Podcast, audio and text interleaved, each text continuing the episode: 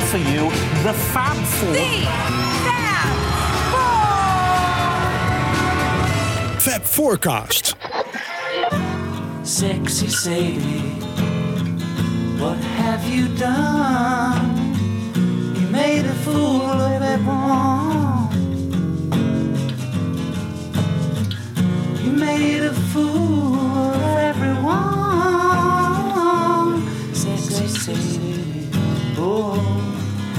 done? Sexy Sadie, you broke the rules laid it down for all to see.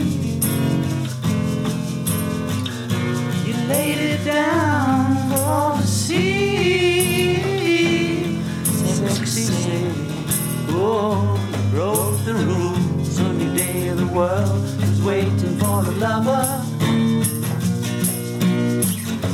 Came along to turn on everyone. Sexy Sadie, she's the greatest of them all. Sexy Sadie, how did you know the world was waiting just you? The world was waiting just for you. Sexy Sadie, oh, did you know?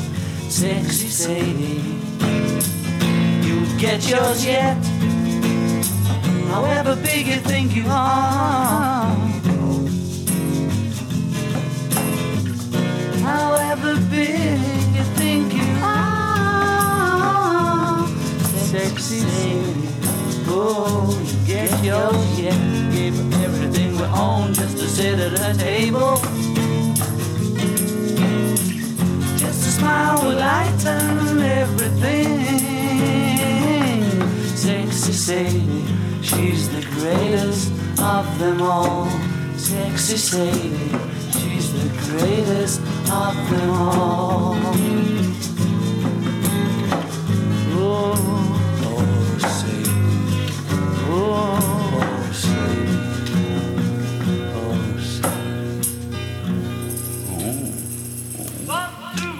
Forecast.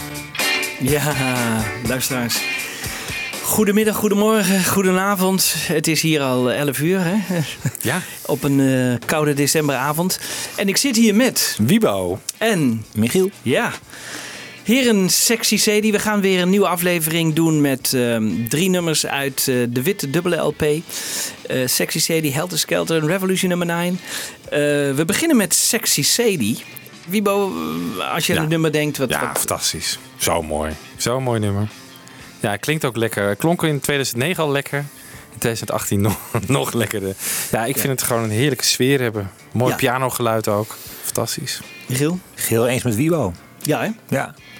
Eh, Sexy Sadie, we denken al gelijk aan de Maharishi. Hè? De, eh, Zeker. Ja, ja. Oh, Sadie, oh, Sadie, zei hij op het eind hè, van de Easter demo. Van oh, oh.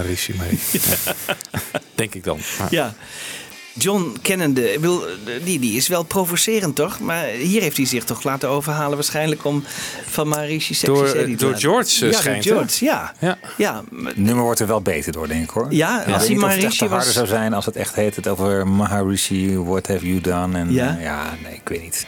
Ik heb, dat heb ik ook een beetje met Child of Nature, weet je wel. Als het zo'n expliciete verwijzing naar On the Road to Rishikesh. Ik denk van, ja, dit- dit- op een gegeven moment dat ik dat drie keer heb gehoord, dan is het echt, eh, echt Nee. genoeg. ja, ja. Ja, Ja. het is Ja. te, te specifiek of Ja. zo. Het is niet universeel eh, dan. Nee. Nee. En dat heeft Lennon ook wel eens gezegd over In My Life, weet je wel. Een soort eh, rond, dat was op een gegeven moment ook zo'n alternatieve tekst. Dat was een Ja. soort... eh, Rondtocht door Liverpool. Ja, Ja. precies. Dat moet je niet hebben. En Nee. hier ook. Ik vind het mooi als, er, als het zo'n protestnummer is, wat dit toch een klein beetje is. Het zet zich af tegen de grote goeroe. Dan moet er een sausje overheen. Dat moet Ja. niet te expliciet zijn. Nee, nee. Dus dat, daar was Lennon goed in. Ik Ja. vind Sexy Sadie ook een vondst, eerlijk Ja, de- Ja. Van In de, was hij in de Beatles, denk ik, werd hij daar ook wel door Paul en George natuurlijk wel in eh, tegengehouden. Kijk, op de Plastic Ono Band ging hij helemaal los Ja, natuurlijk. Ja. Ja. Maar hier zat er nog een soort filter eh, Ja. op. Ja. In dit geval was het George. Ja, en sommige van die albums, dat, dat, dat Sometime in New York City, is, is ook niet helemaal aan te horen meer. Omdat Nee. het gewoon allemaal veel te activistisch Gedateerd. En dan wordt er gedateerd, en Ja. dan is het... eh, ja, ja, Ja. Ja. Nou, we gaan even terug naar het begin. Hè. Eh, Paul werd gevraagd, wanneer is dat nummer nou geschreven? Eh, Paul McCartney daarover. Sexy Sadie John wrote after Rishikesh because it was sort of in some veiled way supposed to be about Maharishi because they were a bit disappointed um, in him in the end. Ja, hij eh, vertelt daar iets over. Hè? Want ja, John is natuurlijk niet meer. Dus hij moet nu een beetje die honneurs waarnemen. Ik geloof dat dit ook voor de anthology was. Maar John, die, er is niet veel bewaard van gebleven. Hè? Van, van die Maharishi-tekst. dat heeft hij waarschijnlijk gewoon gezongen in het vliegtuig. Of uh, al aan het begin. Of weet ik wanneer. Tegen George. En, en, maar hij heeft het later.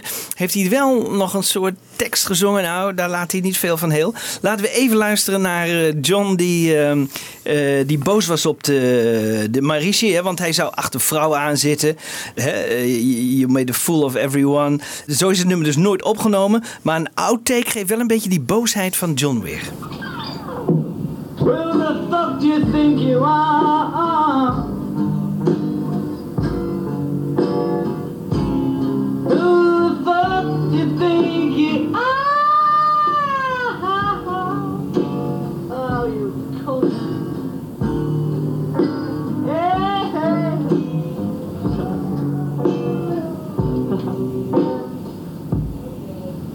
You mean? je, je hoort Joko lachen op de achtergrond. Ja. Ja, hier gaat hij even echt... Uh, hè? Who the fuck you think you are? Maar Ja. Charles Martin heeft ook wel gezegd, hij had heel erg gehoopt dat hij een versie zou hebben ontdekt waarin de Maharishi wordt bezongen. Maar die, die is er niet, hè? Nee. Nee. nee, die is er niet. Nee, dat, zover zijn ze nooit gekomen. Want George heeft het dus al van tevoren. Nou, we kunnen ze even daarover aan het woord laten. Maar ik weet niet. Ik wil, stel dat hij dat nu zou uitbrengen. Dan zou dat alsnog toch tot. Ja, ik weet niet. eh, Die, die Marishi, die, eh, die, zit hier in Flow erop. Die is dood. Maar goed, die, die nazaten. Die, eh, ik weet Ja. niet of dat eh, consequenties zou kunnen hebben. Maar Ja, geen Hè, idee. Denk ik niet zo snel. Nee, nee, ik denk het ook niet. literaire vrijheid. Ja, toch? Dat is gewoon John's mening eh, daarover. Ja, Ja. het hangt er vanaf hoe die tekst was. Als het nou... eh Marishi, go fuck yourself of zo was. Denk ik, ja, nee, dat kan dan niet. Nee, maar, nee. Dus Nee, dit, dit stukje, dat had eh, Giles niet kunnen uitbrengen eigenlijk. eh. Hoe de fuck... Nee, ik denk Nee, dat het ook heel misplaatst was geweest op die box. Ja. Maar goed, we hebben het wel dus We hebben blijkbaar. het wel. Ja. we hebben het wel. Goed, laten we Paul, John en George even aan het woord. En hoe het van Marishi Sexy Sadie werd. And then John wrote Sexy Sadie to kind of get it off his chest. And that was a veiled comment on it all, apparently. That was written in India just as we were leaving, waiting for our bags to be packed. In the taxi that never seemed to come, we thought. They're deliberately keeping the taxi back so that we can't escape from this madman's camp. he was singing Maharishi, what have you done? And I said, you can't say that. You know, this is ridiculous. So I came up with the title of Sexy Sadie. Oké, George heeft het bedacht dus. Ja, nou. Maar het schijnt dus allemaal, hè, want dat, is, dat zeggen de boeken toch ook wel, dat het eh, Alexis was. die Ja, daar dat precies. En dat het gerucht ook- in de wereld heeft geholpen. Ja, en waarschijnlijk dat hij helemaal niet achter de vrouwen Nee. aan zat. Eh, Maar die, die Alexis die wilde eigenlijk John terug. En John wilde eh Yoko terug. Die wilde, wilde graag naar eh, Engeland toe. Dus die, had, eh, die, die greep dat ook aan. Hè? Dus dat Ja. was voor hem een mooie gelegenheid natuurlijk om daar weg te gaan. En eh, voor Alexis, eh, die heeft er waarschijnlijk wat eh, verzonnen. En eh, zo, zo kreeg hij John ook snel weer naar... naar Engeland terug. Ja. Dus, dus eh, iedereen was eigenlijk blij. Behalve de, de, de Maharishi. Want, eh, ze Ja, die kwamen- snapten het ook niet, hè? die snapte ze het ook weggingen. niet. En toen zei John, ja, maar je, Ja. je bent... If you're so conscious, you should know. Zoiets, ja. zoiets, ja. Ja, ja. Ja, nee, zo Cosmic of zo. Ja, zo cosmic. cosmic, ja, cosmic, zoiets, zo ja. zoiets, ja, ja. Goed. Ehm, de oudste opname die we hebben, die, die, komt, die staat nu op de box. En dat is take 3. Maar daarvan is het eigenlijk het hele erge dat, eh, dat daar een fade-out op zit. Nou, ik werd zo boos dat ik... eh, dat ik eh, alle nummers die ik ooit heb kunnen Ja, alle vinden... pallen in huis. Ja, die heb ik allemaal teruggeluisterd. En ik, het bleek dus dat ik een, een- take 3 had. Waar John en Paul wel doorheen zaten te praten. Maar daar stond wel het einde op. Dus wat heb ik nu gedaan? Ik heb deze take 3, de nieuwe take 3 aangevuld met het echte einde van dit nummer. Eh, weliswaar iets mindere kwaliteit, maar dan horen we toch hoe het geëindigd was. En, en ik denk gewoon dat hij dat had eh, moeten laten staan. Het is nog een paar seconden, duurt hij langer en dan... Het eindigt wel een beetje in wat chaotisch, maar eh, dat had hij gewoon moeten doen. Yeah, it's getting better all the time. is it? Right. Uh, however you like, you know. Feel it.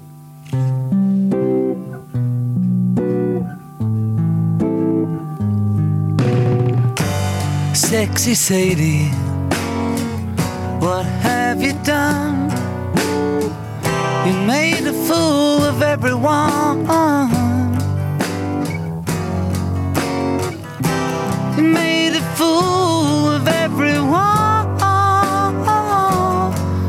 Sexy Sadie, oh, they've done. Sexy Sadie, you broke the rule. You laid it down for all to see. You laid it down for all to see. Sexy Sadie, oh, you broke the rules one sunny day. The world is waiting for a lover. She came along to turn on everyone. Oh, sexy Sadie, the greatest of them all. Sexy Sadie.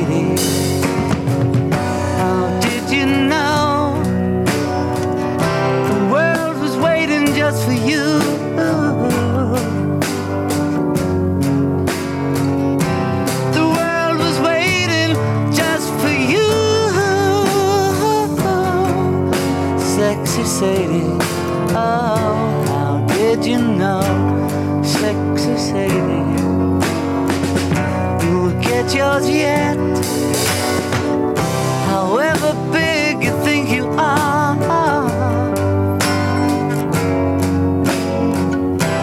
However big you think you are.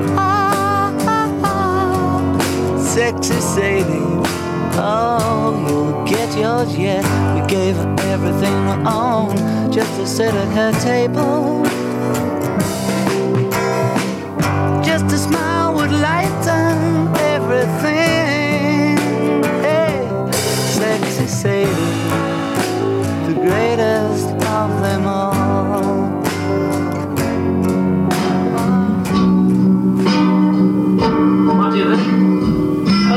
Sure, I just forgot. I forgot over. Oh, we can still go and hear all that, George Martin. Yes. 'Cause That'll be something, you know, where if we only use like two versions, this one and another one, of it sort of done right up.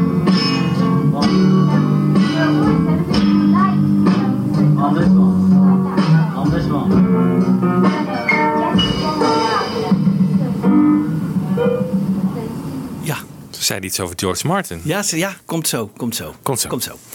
Want, heel interessant, dan eh, krijgen we een ruzie. Een ruzie op de vloer. George Martin die is eigenlijk steeds gefrustreerder. Want we, het is nu 19 juli 1968. Hè, dus ze zijn eh, vanaf eh, eind mei zijn ze bezig. Eh, dus eh, juni, juli, anderhalve maand zijn ze toch eh, goed bezig. Ja. Maar George Martin, en daar hebben we het al eerder over gehad, die voelde zich eigenlijk wat gefrustreerd. Die, die, die speelde niet die rol zoals hij dat bij Sgt. Pepper deed. Hè? Veel invloed, meedenken, veel dingen doen. Daar was deze LP ook niet naar. Hè? Sgt. Pepper was veel meer met orkestwerk en, en dat soort zaken.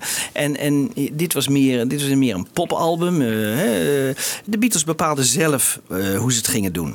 En eh, waarschijnlijk heeft dat geleid tot een eh, negatieve opmerking van George Martin van boven uit de controlekamer naar de Beatles toe.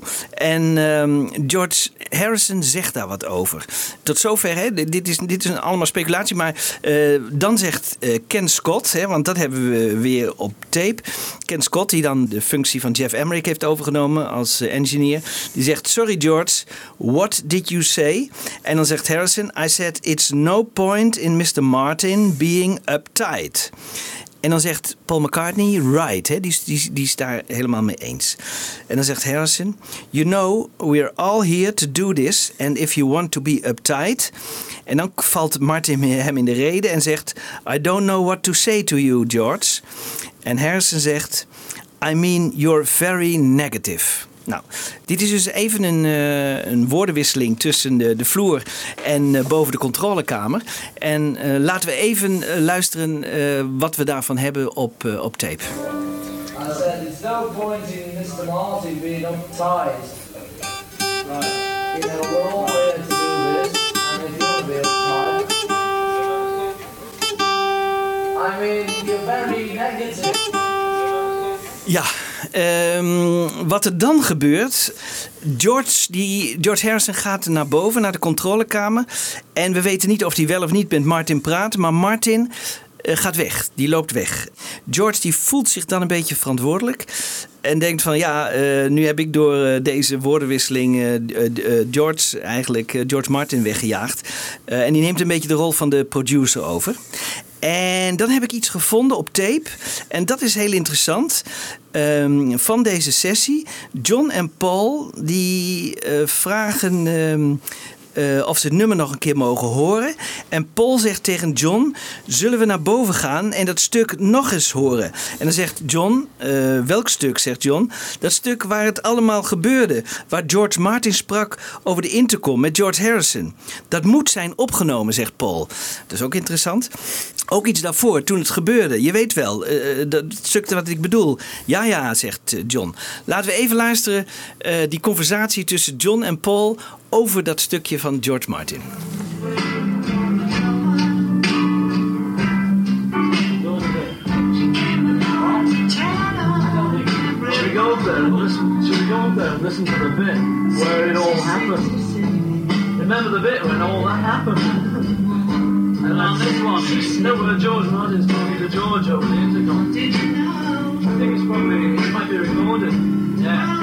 You know, they're still recording. So when all that happened, and there's the song before it, when they kept sort of interrupting it, and we kept it on. You know the bit I mean? Yeah, yeah. Ja. Dus dit heeft wel indruk gemaakt. Hè? Dus, Ja, eh, dat is echt een ruzie, ja, dit. Het is echt een ruzie. En ze willen het eigenlijk terug horen. Dus het zal waarschijnlijk ook op tape bestaan. Hè? Ik denk niet dat Giles eh, zich eh, geroepen voelde om dat stuk natuurlijk te laten horen. Met die ruzie met die zijn vader. Ja, misschien heeft die Giles toch wel een beetje een agenda gehad om het positieve beeld van de Beatles als eenheid Ja. toch naar buiten te Ja. brengen. Want Ja. in een interview zegt hij ook van, nou, als er leukere ruzies zijn, dan was het smullen. Dan had ik het echt wel als outtake erop gezet. Ja. Maar dit was eigenlijk ook weer beschikbaar. Dit, ja, dit was ook beschikbaar. Ja. Zowel de, eh, de reactie van George als. eh, Het is, wel, het is niet de beste kwaliteit. Hè? Nee, maar goed, dit is weer een, eh, van, een, van een monitor afgenomen. Dus het, de kwaliteit op zich is beter. Hè? Dit dus, kan je eh, gewoon lekker stereo mixen. dit Lekker, zou je stereo kunnen mixen. ja. Ja. Goed. Dus daar, meer weten we daar niet over. eh, maar dit vond ik toch even interessant om te laten horen. Dan neemt George Harrison het een beetje over van, eh, van Martin. En hij, zegt ook bijvoorbeeld: John, doe dat nog een keer opnieuw. Laten we even luisteren hoe George het aanpakt. You get yours yet? John, Yeah? Yes? we start again. Okay. Okay, Robert. Reach for this one. Were any of them any good? Mindbender. Want die opmerking van George of, of eh, very negative of zo zit toch ook in de anthology? Ja, daar Of komt there's no uit. reason Ja, da- daar- for- ja, daar, daar Dus het, eh, dat vonden ze toen wel geschikt om dat in de dat, anthology te dat stoppen. is, wel, dat is wel leuk. Ja, want toen, Ja. ja. ja, toen wilden ze nog niet een heel positief beeld waarschijnlijk. Nee, eh, blijkbaar niet. Dat is, eh, ja, eh, Neil heeft dat toen eh, allemaal uitgezocht. Maar ja, daar zijn ze zogenaamd nu achter gekomen. Dat het eigenlijk helemaal niet zo negatief was. Dat is eigenlijk eerder eh, de interviews die Lennon erover heeft gegeven. Ja, Ja. ja. Nou, jullie, jullie, jullie kennen natuurlijk allemaal de eerste zinnen van Lennon, hè? Ehm, maar dat heeft hij ook weer niet van zichzelf. Dus dat is ook wel grappig. Dat komt uit een nummer van Smokey Robinson, I've Been Good to You. Laten we even luisteren, luisteren even naar die eerste zinnen van Smokey Robinson. Look what you've done.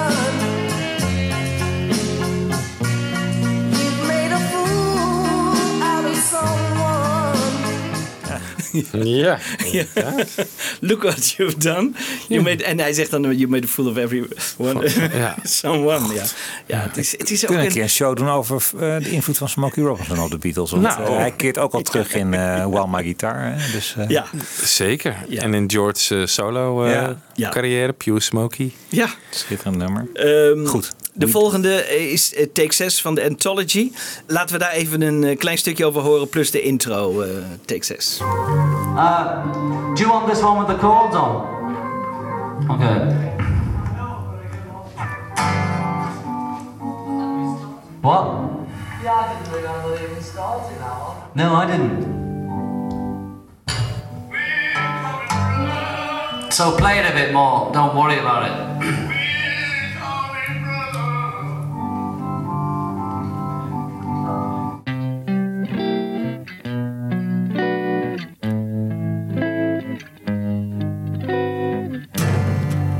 Sexy Sadie, what have you done? You made a fool of everyone. You made a fool of everyone. Sexy Sadie, oh, what have you done? Sexy Sadie.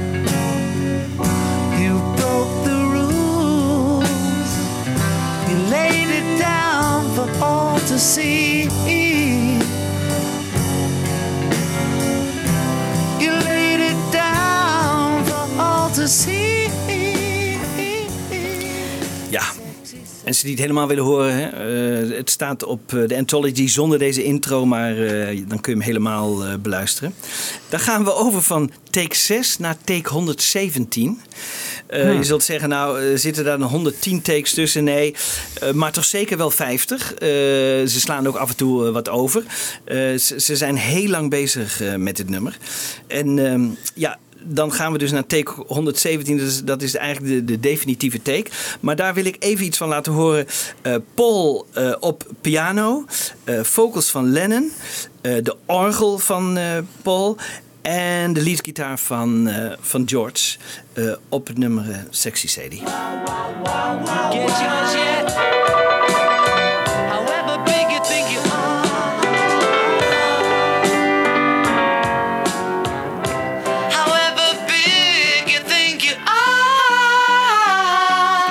Sexy Sadie. Oh, you'll get yours yet. We gave her everything we own just to sit at her table. Smile would lighten everything. Sexy Sadie, she's the latest and the greatest of them all.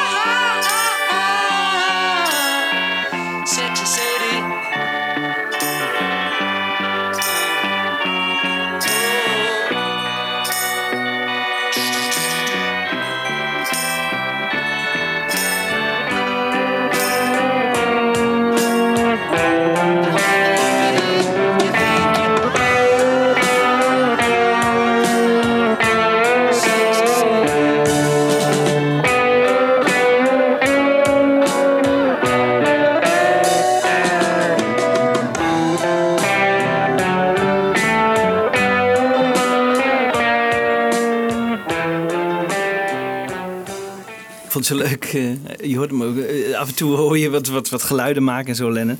En dit, dit waren twee sporen van, ehm, van de, een mix van twee sporen van de 5.1. Ehm, dan tot slot take 117, eh, die we net ook een stukje hebben gehoord. Maar die is eigenlijk, was die oorspronkelijk 39 seconden langer dan op de plaat is verschenen.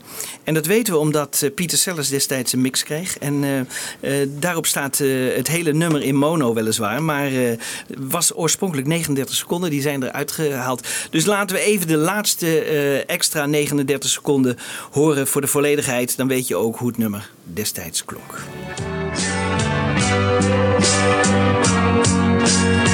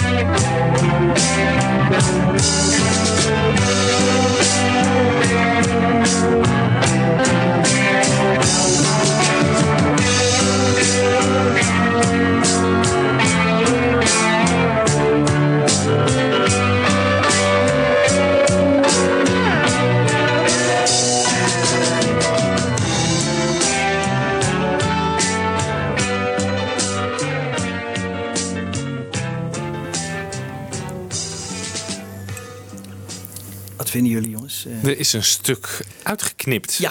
En, en, in het midden. En dan het einde is weer uit het origineel. en het einde weer Ze hebben het gewoon ingekort. eh, Ja. Door er gewoon in het stuk in het midden gewoon wat weg te halen. Terecht of had het wel erin gemogen? Moeilijk hè? Ik vind het fijn, fijn dat we het hebben. Ja. Dit, maar ach. Ik ben het altijd met de keuzes van de Beatles eens. Hè? Ja. Ik ben het zo gewend. Ja, ik weet het niet. Ik vind het opvallend dat ze zoveel takes en nummer hebben zitten werken, joh. Ja. Ja. En je hoort nooit eh, een onvertogen woord van eh, het was te lang of ze, verveel, ze verveelde zich. Dat gaat, dat Nee, gaat wij altijd over wel, No eh, Guilty, wel, dat gaat over Obladi, maar nooit over dit. eh. Nee, nee, nooit over dit. Nee, dat is wel wonderlijk. Ja. En Not Guilty is natuurlijk ook zo eentje. Ja. Ja. Ja. Ja. Goed jongens, we gaan over naar Helter Skelter. Ja. Wat is jullie eerste reactie op Helter Skelter? Ik is het een nummer wat je leuk vindt? Wat je, eh, Nou, in de versie zoals die op de plaats staat, vind ik hem eh, onweerstaanbaar lekker. Ja. Maar die 13 minuten durende ja, versie blues 1. versie, oh ja, man, ja. kwam er niet, om niet nee, door te nee, komen. Charles Martin heeft ook in een interview gezegd van het is eh de, de lange versie van 27 minuten. Dat is gewoon een, Ja. plakken nog maar 13 minuten bij van precies hetzelfde. Dus ja, Ja. ik, Ja. eh, voor mij had dat echt niet opgehoeven. Eh, tenminste, dat staat er niet op natuurlijk, maar Nee. dat is wat mij betreft ja, terecht. het is niet meer de Holy Grail. Nee, joh. Nee. Dat is ooit door Lewison toch gezegd eh, in het boek. Dat, dat die bestond. Toen heeft dat zijn eigen leven gaan leiden. Ja, En, ja, maar heel veel mensen dachten ook dat het de snelle versie was. Hè? Die een halve dat was niet zo. tuurlijk, Dat was helemaal niet zo. Nee. Dat was helemaal niet zo. Nee, dus gewoon een goede beslissing geweest. Hè? Ehm, het, het nummer leerden we eigenlijk kennen, of tenminste eh, achteraf, hè, eh, op 11 juni hè, bij die Blackbird sessies. Eh, we hebben het er al eerder over gehad in een eerdere uitzending. Je ziet hem dan spelen, Blackbird spelen, en dan speelt hij ook een stukje Helter Skelter. En dat is wel heel erg leuk. Dan is het akoestisch en, en Francie Schwartz zit eh, aan zijn voeten. En ehm, hij, hij, ja, hij heeft dan al een beetje ook in gedachten hoe de, echt McCartney, hoe dat dan moet klinken. Hè, dus eh, een beetje het, het arrangement zit er al in. Laten we even luisteren naar eh, een minuut eh, Helter Skelter akoestisch. Tell me, tell me, tell me the answer. You may be a lover, but you ain't no dancer. Look out, helter skelter. Do do do do do do do. Helter skelter. Helter skelter. Do do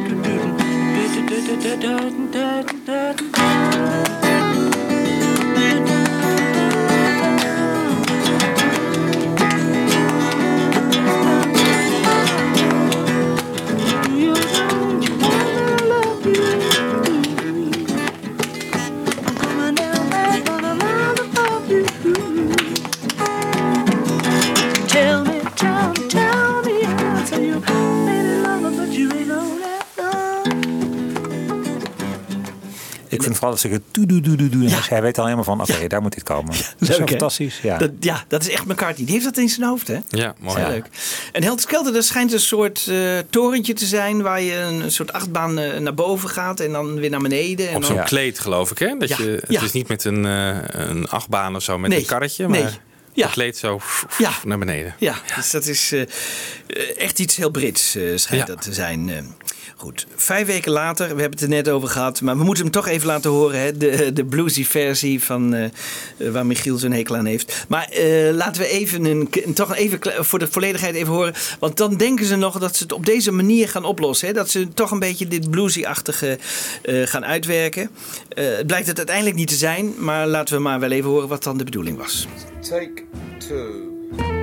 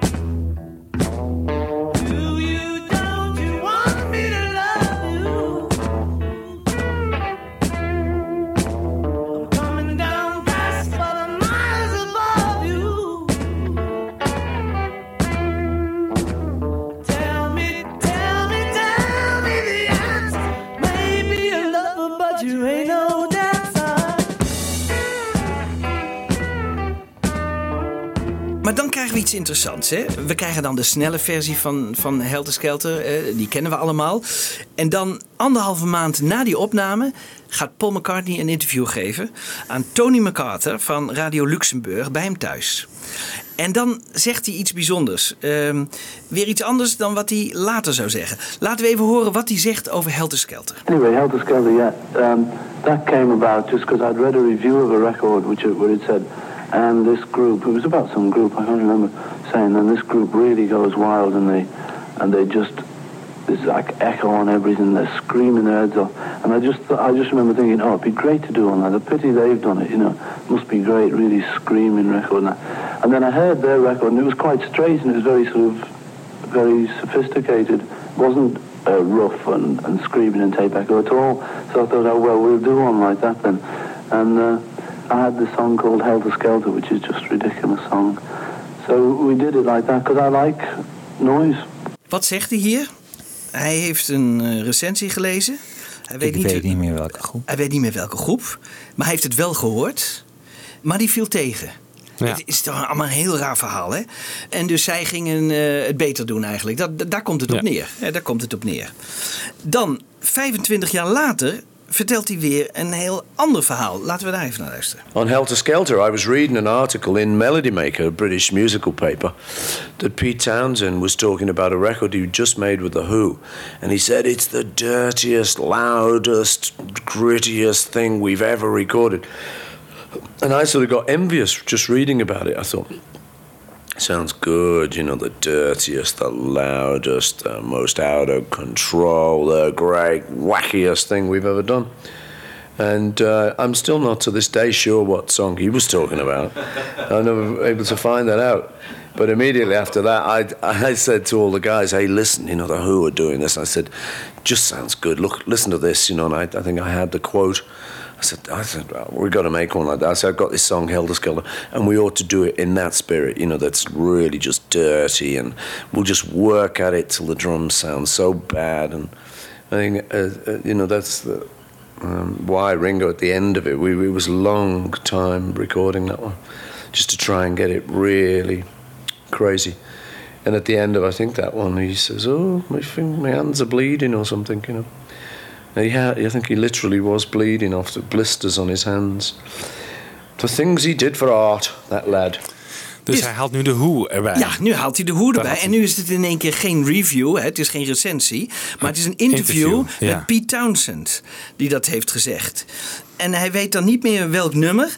Alleen eh, dat ze het beter wilden doen. Eh, eh, het- bij Radio Luxemburg heeft hij dus nog het nummer gehoord. En vond hij het helemaal niks. En hier weet hij niet meer welk, welk nummer het was. En, en heeft Pete Townsend. Nou ja, dat is natuurlijk. Het kan alleen maar gaan om I Can See For Miles. En laten we even een stukje horen. de hoe.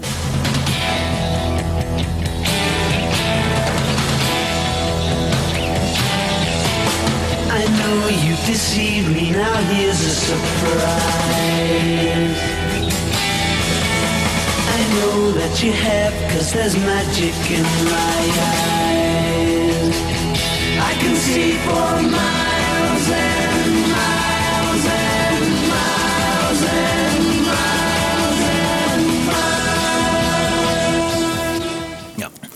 Dit nummer hè, eh, vond Paul McCartney in 68 eh, helemaal niks. Ja, ik, heb, heb je, ik zie hier op de Steve Hoffman forum, hè, daar, daar gaat het een beetje hier over. Van Ja. welk eh, fragment zou, eh, zou McCartney bedoeld kunnen hebben? Wat zou hij gelezen kunnen hebben? Ja. En daar is, heeft, is- heeft iemand achterhaald dat op 14 oktober 1967 in Melody Maker inderdaad een, toch een recensie Ja, stond. stond de recensie. Heb je, heb je ja, ook? Ja, heb ik ook gelezen. Ja. Maar niet over dit een louders en roughers en dingen. Nee. Wat er Dus- staat is: This marathon epic of swearing and cursing guitars marks the return of the Who as a major freak-out force. Recorded in America, it is a Pete Townsend composition filled with Townsend mystery and menace, and delivered by the empathetic Mr. Roger Daltrey. Punt. Ja. Nou ja, Ja. maar niet, niet het, het meest ruige, Nee, nee, smerige. Nee, nee, nee, nee. Nee. nee. Ik heb een theorie. En dit, dit stond in, op 14 oktober Ja, 14 1967. 14 oktober 67. In de Melody Maker Ja, ook? Ja. Ja, ja, dat is het enige. Ja, want eh, Rodriguez heeft er naar gezocht. Lewis heeft er gezocht. Hebben dus niet gevonden hè, van eh Pete Townsend. Die zei de, eh, de, ra- ook niet een review waarvan gezegd werd: Oh, dit is toch wel het meest geweldige nummer. En, eh, dus dat allemaal niet gevonden. Maar wat heeft Pete Townsend wel halverwege 1968 gezegd? En we moeten hier even bij bedenken. Pete Townsend, nou ja, McCartney heeft niet echte vrienden, maar het was wel een goede bekende van McCartney. Hè? Pete Townsend mocht luisteren al naar de, eh, naar de eerste keer bij Sgt. Pepper, toen nog niet uit was, mocht hij al eh, eh, een luistersessie bijwonen. En Pete Townsend heeft zich toen eigenlijk negatief uitgelaten over de Beatles. En die heeft zo halverwege 68 gezegd... de Beatles, dit zijn geen rockgroep meer. Ze rocken niet meer echt. En dat doet hij waarschijnlijk naar aanleiding van Sgt. Pepper... wat natuurlijk ook geen echte rockplaat is. Hè? Dus eh, hij heeft toen gezegd... ehm, de Beatles zijn niet meer eh, eh, zoals vroeger... en ze zijn nu meer categorie Herman's Hermits. Nou ja, Oeh. gevoelig hè? Dat ligt gevoelig. Hè? Dus... eh, waarschijnlijk, maar, maar dat is mijn theorie, hè, heeft Paul McCartney dat gehoord en was in zijn wiek geschoten. En die dacht, ja, eh, wat maken jullie? Oh, I can see for miles. Nou, dat kunnen wij toch veel beter. Ik zal jullie eens even de poepje laten ruiken dat wij nog steeds kunnen rocken. rocken, ja. En, maar dat kon hij natuurlijk niet brengen. Hij kon dat niet brengen eh, naar buiten van Pete Townsend had dit gezegd. Dus hij ging, want dat zou hij nooit doen. Maar dat is een theorie van mij dat ze dat hebben gedaan. En ehm, ze gingen er dus ja. hard tegenaan in die. eh, wat hij dacht, ik ga nu eens even een keihard, Even laten zien dat wij nog kunnen rocken. keihard Ja. rocknummer maken. Ja. Nou, dat is gelukt. Het is gelukt. Laten we even luisteren naar de eerste eh, pogingen. eh Helter Skelter in de studio eh, met wat studio chat. En eh, laten we even luisteren.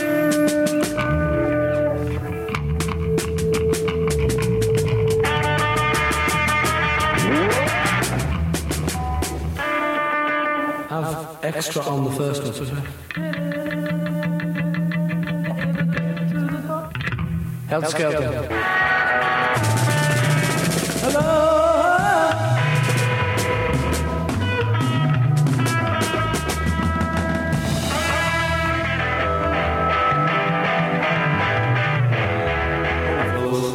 Even though I may not be singing it moving along, I'm just trying to maybe get to the bottom of it and then just imagine.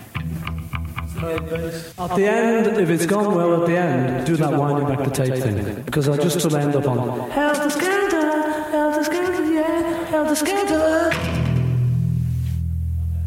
I just sort of pull out of it and watch me. Just jump on.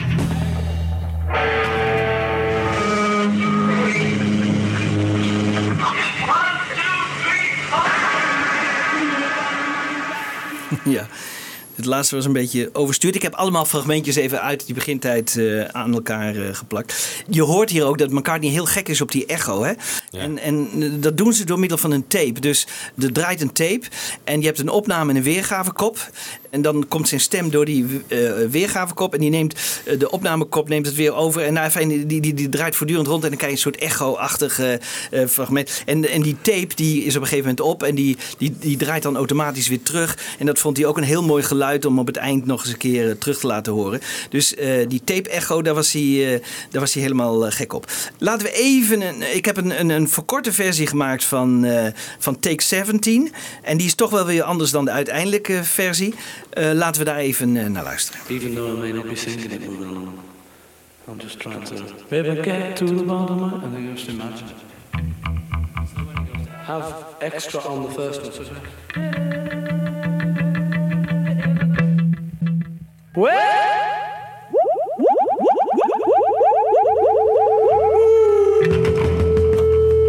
Helter Skelter, take 17.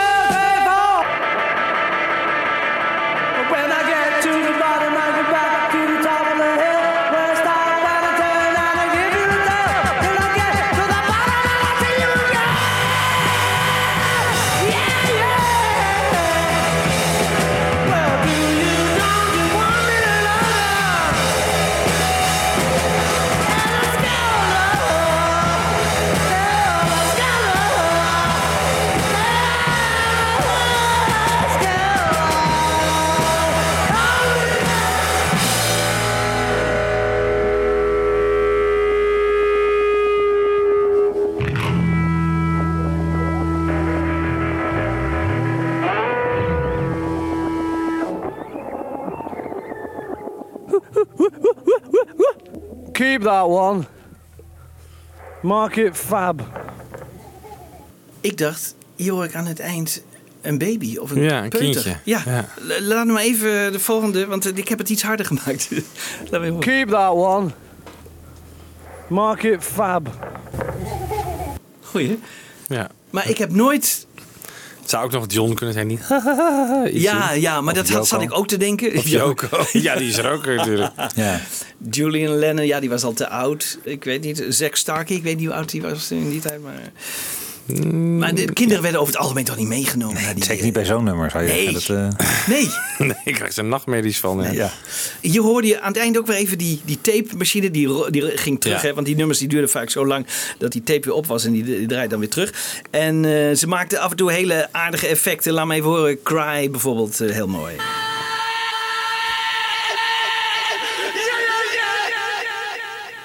Ja, die hebben ze geloof ik later ook nog gebruikt in eh, Love. We hadden het net al even over I Can See For Miles hè, en, en die overeenkomsten met eh, Helter Skelter.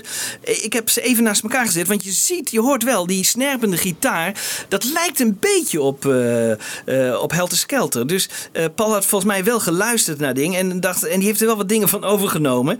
Townsend die komt daar dus een beetje bovenuit. En dat deed Paul ook een beetje. Nou, laten we maar even luisteren naar, naar die vergelijking.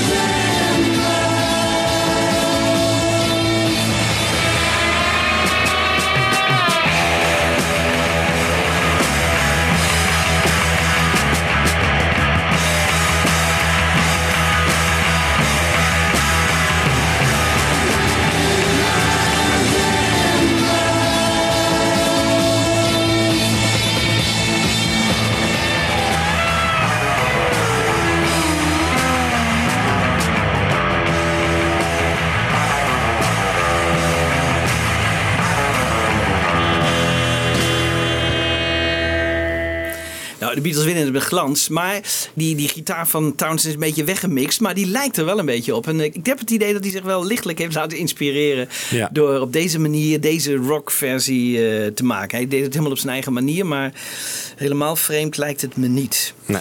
Ehm, Brian Gibson was eh, een van de technici en die, eh, die was boos. Want dit was de eerste waar George Martin niet bij was. En eh, die had Chris Thomas gestuurd. En dan zie je gelijk dat er een soort anarchie uitbreekt. Want dan gaan ze dus allerlei rocknummers spelen. En Ja. daar heb je het onlangs prachtige versie van laten horen. Ehm, Maar ik wel heb, opvallend dus George Martin na dat Sexy Sadie incident, dat is Ja. deze, dit Ja. nummer, dus de eerstvolgende, dan is hij weg. Dan dus. is hij weg. Dan Dus die ruzie is dus Ja. blijkbaar zo geweest. ja, hey, De reden voor hem. dat is weer een goeie. gaan. Dat is weer een goeie. Dat is een Ja. hele goeie. Ja, dat is waar. Dat is waar. Dat zou inderdaad de reden. Had ik nog niet bij nagedacht. Hele goede. Misschien lost het weer een klein stukje van, de mysterie, van het mysterie op. Eh, maar Brian Gibson die vond er dus helemaal niks eh, dat ze al die oude rockers gingen doen. En ook dat weer. Ik bedoel, eh, ik, misschien heeft het er ook mee te maken. Hè, dat McCarthy dacht van, nou, we kunnen nog steeds goede rockers spelen samen. Hè, want dit is voor de eerste sinds, sinds lange tijd dat ze weer van dat soort Ja. oude rocknummers gaan spelen. Dus ehm, laten we Brian Gibson daar even over aan het woord. They were producing themselves. George Martin was not involved that much. And I think with the success of Sgt. Pepper, this was effectively the follow up album. I guess they kind of thought they were invincible. So they were working without a producer. And I remember, again, it was under the influence of certain substances that helter skelter it. One night in particular, it just degenerated, if you like, into an extended jam session with all kinds of other songs being interwoven. It was one of the occasions they were all there, and a take could last half an hour. And I remember one in particular which had a chorus of Blue Moon in the middle. I just remember sitting there at one point and thinking, you really need someone to tell you to stop doing this.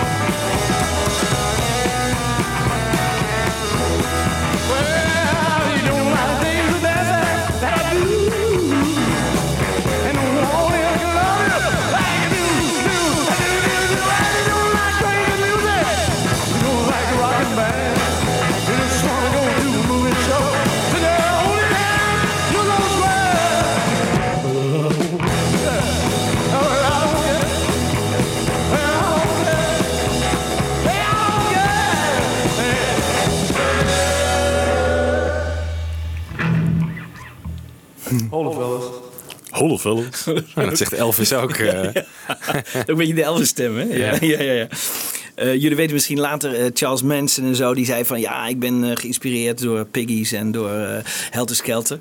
En toen was John Lennon de eerste die zich dus distancieerde van dit nummer. Dat die zei van, eh, ik heb er niks met dit nummer te maken. Dit was een Paul McCartney en Ringo Starr heeft, het, heeft ook nog even over dit nummer. Laten we even luisteren. That's all completely about a, an English fairground. Has nothing to do with anything, and least of all to do with me. That's me shouting at the end. I've got blisters on my fingers at the end of Helter Skelter. The original track we cut was about an hour and a half long, and then we had to gradually keep cutting it down and down. Also, folks, John's playing bass on that track. Ja.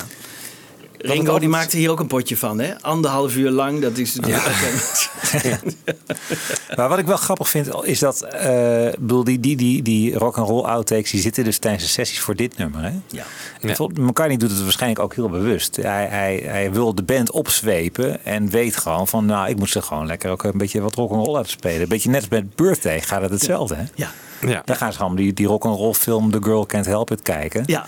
En dat werkt ook gewoon inspirerend. Ja. Dat is toch een beetje dat, Ja. dat oude rock and roll bloed wat, je, wat je even eh, moet oppompen als het ware. Dat zie je in bij Let It Be ook. Hè. Dan gaat het even wat minder. Maar dan gaan ze gewoon weer rock'n'roll nummers spelen. Om er een beetje in te maar komen. daar Om hoor die je spirit. uiteindelijk het wel minder in, in nummers terug of zo. Daar hoor je niet van, oh, hier is echt een eh, soort vibe ontstaan. Nee, nou bij sommige rock'n'roll nummers ook wel hoor. Maar niet bij allemaal. Dan, dan werkt het niet meer zo als nu. Want nu is het echt na een hele lange tijd dat. De, en dat is een goede zet denk ik wel van hem geweest. Om, om dan te zeggen van... Oké jongens, we gaan, eh we gaan eh, rock'n'roll... eh, En hij dacht van, dat, dat kunnen we wel doen in een Let It Be project. Ja. Ja, Ja. helaas. Dat was niet zo'n goed idee. Dat was niet zo goed. Eh, Ringo heeft het over die bas van John. Nou, laten we even de bas isoleren uit eh, dit geheel en kijken hoe John het op bas eraf brengt.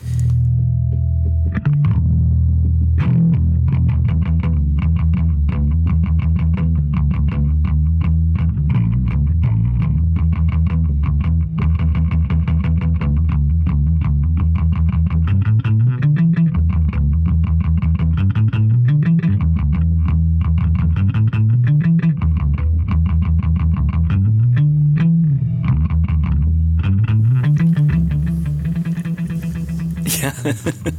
Michiel, zeggen ze wat van? Ja, ik vind het niet zo erg allemaal. Het moet gewoon lekker pompen. Het zit ook veel meer Ja. in de gitaar dan in de bas. in dit Ja, nummer. ja. Ik heb me ook nooit zo gestoord aan John's basspel in Nee. dit nummer hoor. Nee. Nee. Maar misschien omdat de gitaren het ook wel erg overheerst, of ja, niet? misschien wel. Ja, maar ik vind, maar de- ik vind de sound van die bas wel lekker. Ja, Oké. ook. Volgens mij is het dezelfde bas die op uh, While My Guitar wordt eh, gespeeld. Ja. Je hoort hetzelfde sound. Ja, dat zou heel goed kunnen. Ja, want dat speelde hij. Ja.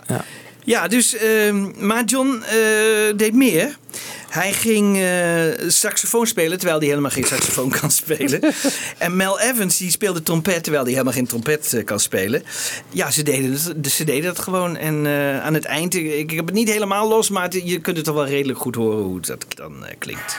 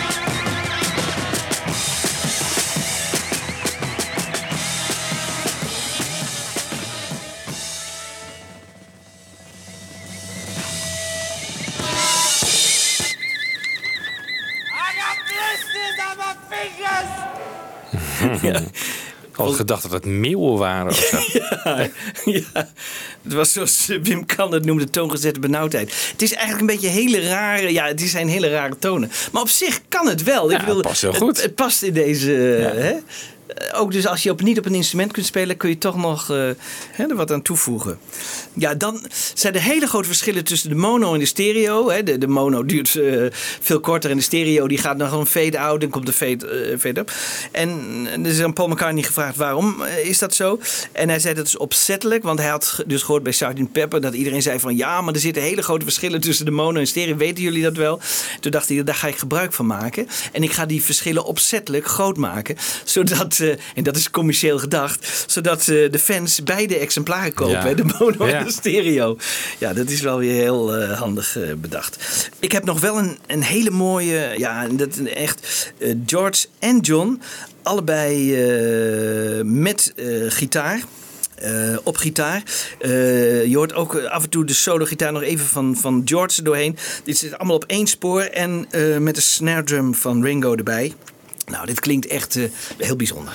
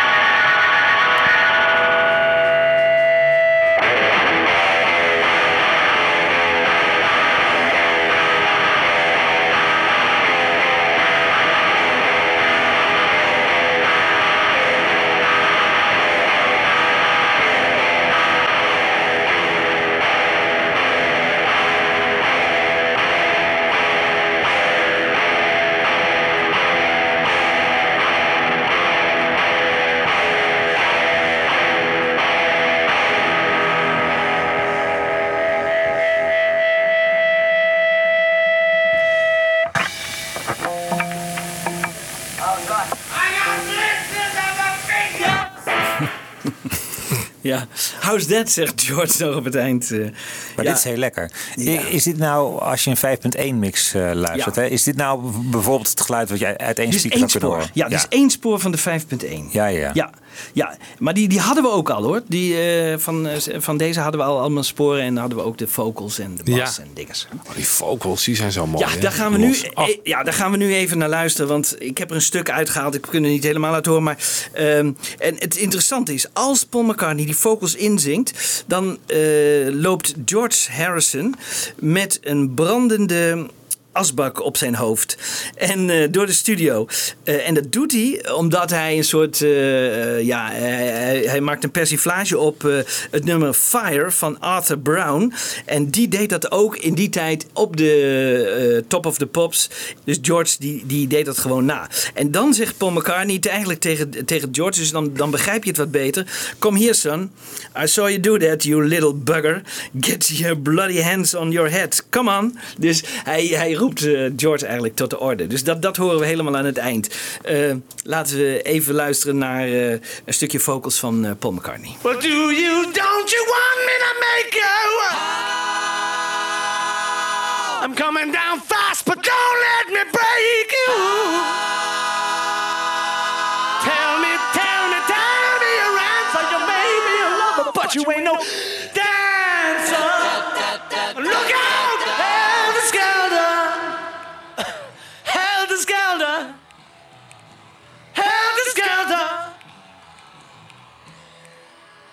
Well, look out! Helter Skelter! She's coming down fast! Yes, she is! Yes, she is! Coming down fast. Oh, the Helter Skelter. Yes.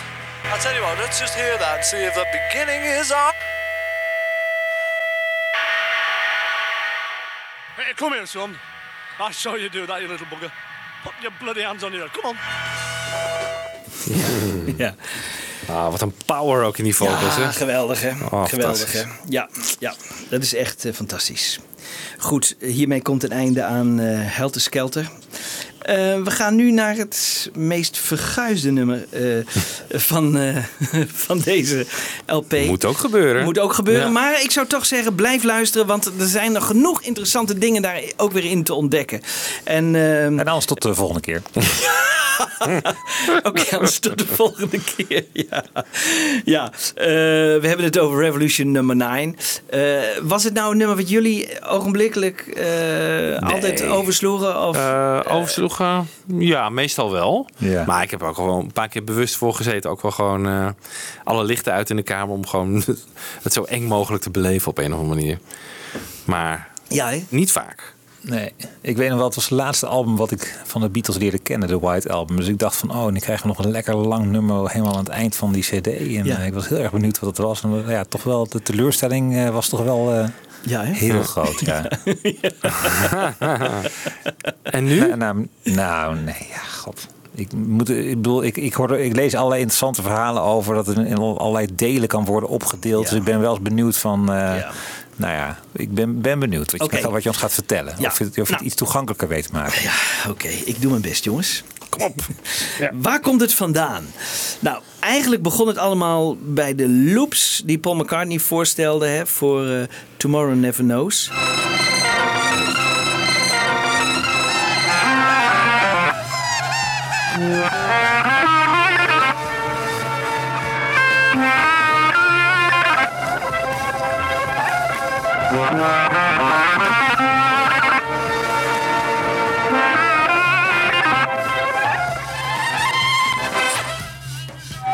Dat waren die loops. Hè? En dat, maakte John Lennon enthousiast. Hij dacht, daar wil ik meer mee doen.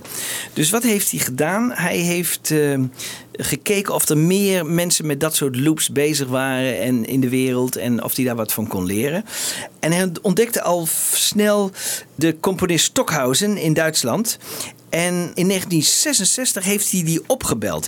En het is grappig, want dat weten we alleen van Stockhausen zelf. Want John heeft daar nooit één woord over eh, gezegd. En hij heeft het wel gedaan, want dat, eh, die Stockhausen die heeft daar niet over gelogen. En eh, dat, dat mogen we direct aannemen. Want hij heeft hem gevraagd van ik wil wel wat dingen toepassen in Strawberry Fields. Daar hebben ze met elkaar over eh, gediscussieerd. En Paul McCartney vond het ook interessant. Want Stockhausen is door Paul McCartney voorgesteld om op de Sgt. Pepper hoes te zetten. Niet door John. En ehm, John heeft later in 1969 Stockhausen gevraagd om samen met hem. eh, eh, Stockhausen denkt de Beatles, maar ik denk het niet meer. Ik denk dat dat al eind 69 is geweest. Om samen op te treden. En eh Stockhausen is gevraagd om naar een bijeenkomst te komen met Apple-medewerkers. En er waren sneeuwstormen. Die mensen van Apple zijn nooit gekomen. En het hele contact is een beetje verwaterd. Maar ehm, dat Lennon heel veel contact heeft gehad met Stockhausen staat vast. En de kenners zeggen, hymnen van Stockhausen, daar moet hij waarschijnlijk het meest van hebben geleerd. Laat ik maar eh, een 20, 30 seconden even van hymnen eh, horen.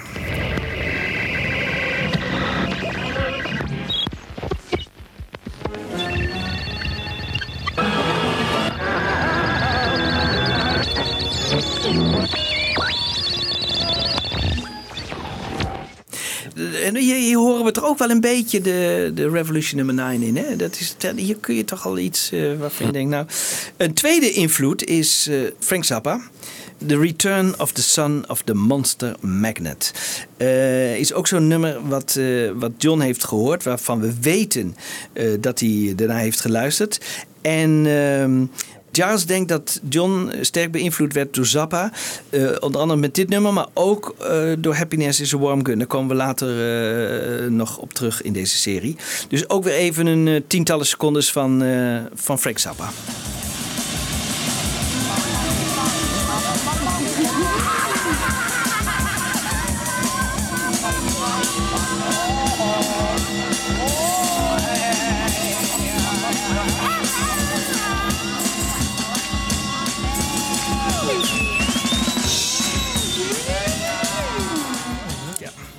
Dit is eh, Frank Zappa.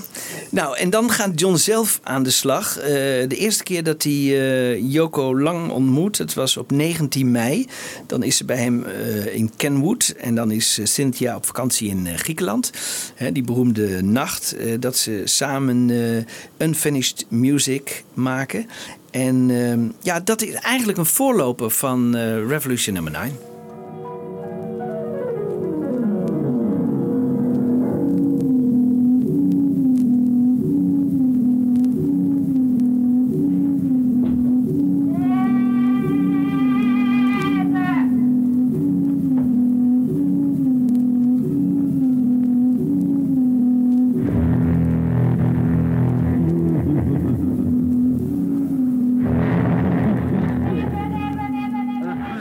Revolution 9 wel aanmerkelijk beter, moet ik zeggen. ja, ja, er zijn ook niet veel mensen die dit op, eh, op een lijstje hoog hebben staan, geloof ik, deze, Nee.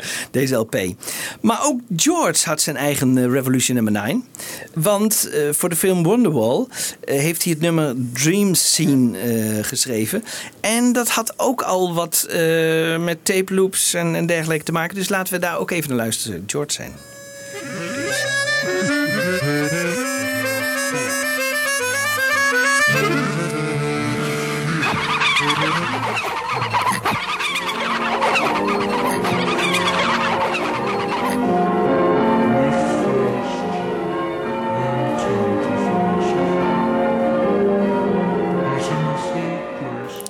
Hmm, interessant. Ja. Dus die ook al. Want je ziet ook dat George later gaat samenwerken met John hè, aan het nummer Revolution nummer 9.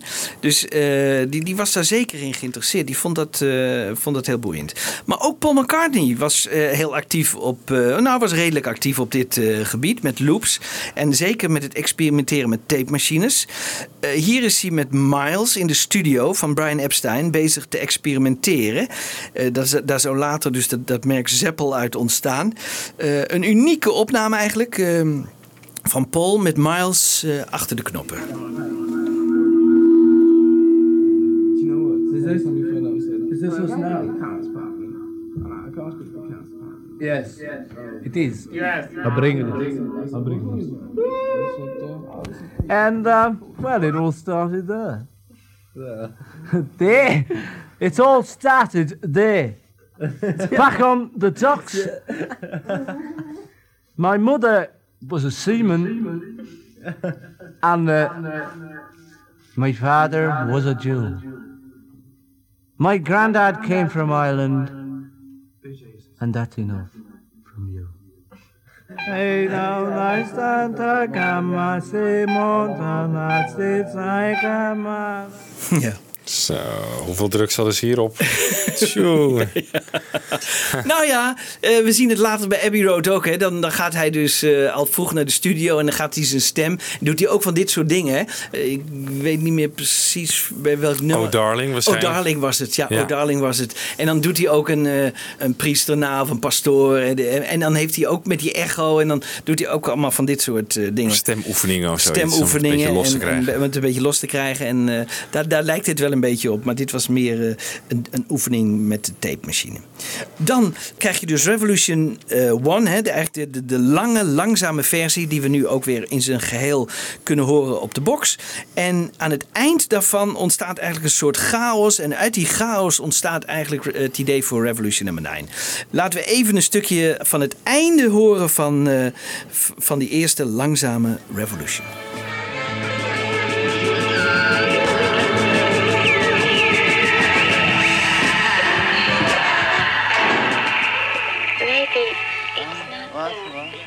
It is that.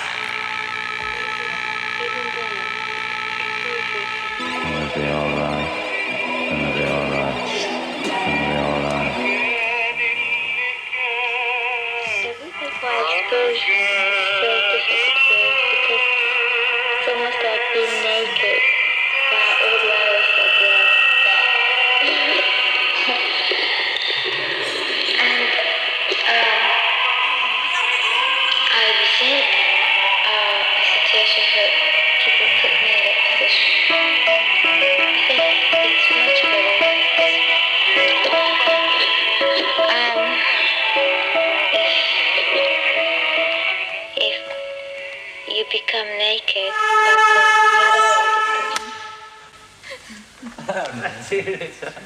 That's too much. Wasn't it great? Ja.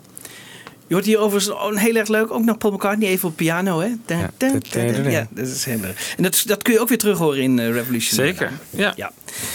Dus, dus dit, dit wordt eigenlijk de basis. Eh, de, op de achtergrond hoor je de Streets of Cairo. En, en ik vraag me dan altijd af, hoe komt John aan zo'n nummer? Hè? Dat is een, een volledig obscuur nummer. En die was best in goede kwaliteit, want eh, hij heeft het laten horen als een soort radio. Maar eh, ik, ik laat het even horen als radio en dan hoe het in werkelijkheid klinkt. The Streets of Cairo.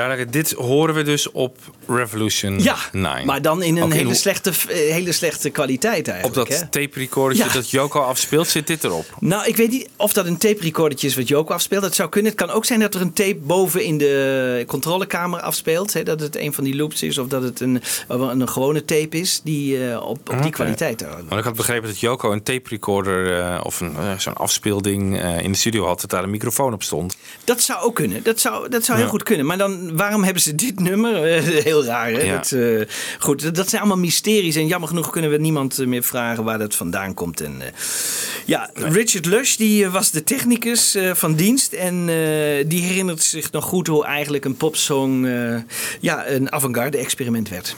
Revolution started off as quite a skippy little pop song, and then when Paul was away, I think Paul was in America. We then did number nine, which was let's do an avant-garde version.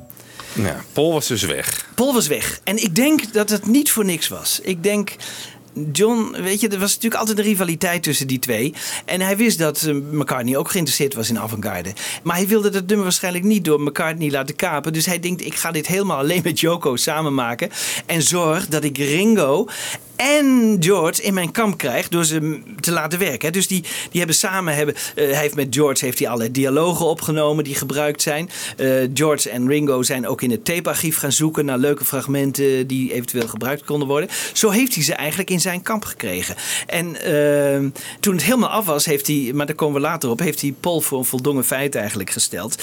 En dat is toch wel interessant. eh, Waarom wilde hij niet dat Paul hier aan mee zou doen? Want hij zou wel wist van dit wil Paul toch niet op de plaat hebben of zo? Ja, maar ik denk ook van dit is, dit is een project van mij en, en Joko. En, en eh, dit is ons project eigenlijk. Hè? En, en hij wilde daar helemaal niet, volgens mij had hij helemaal niet de behoefte om daar Paul McCartney bij te betrekken. Denk ik hoor. Maar ik weet dat niet zeker, maar ik denk dat.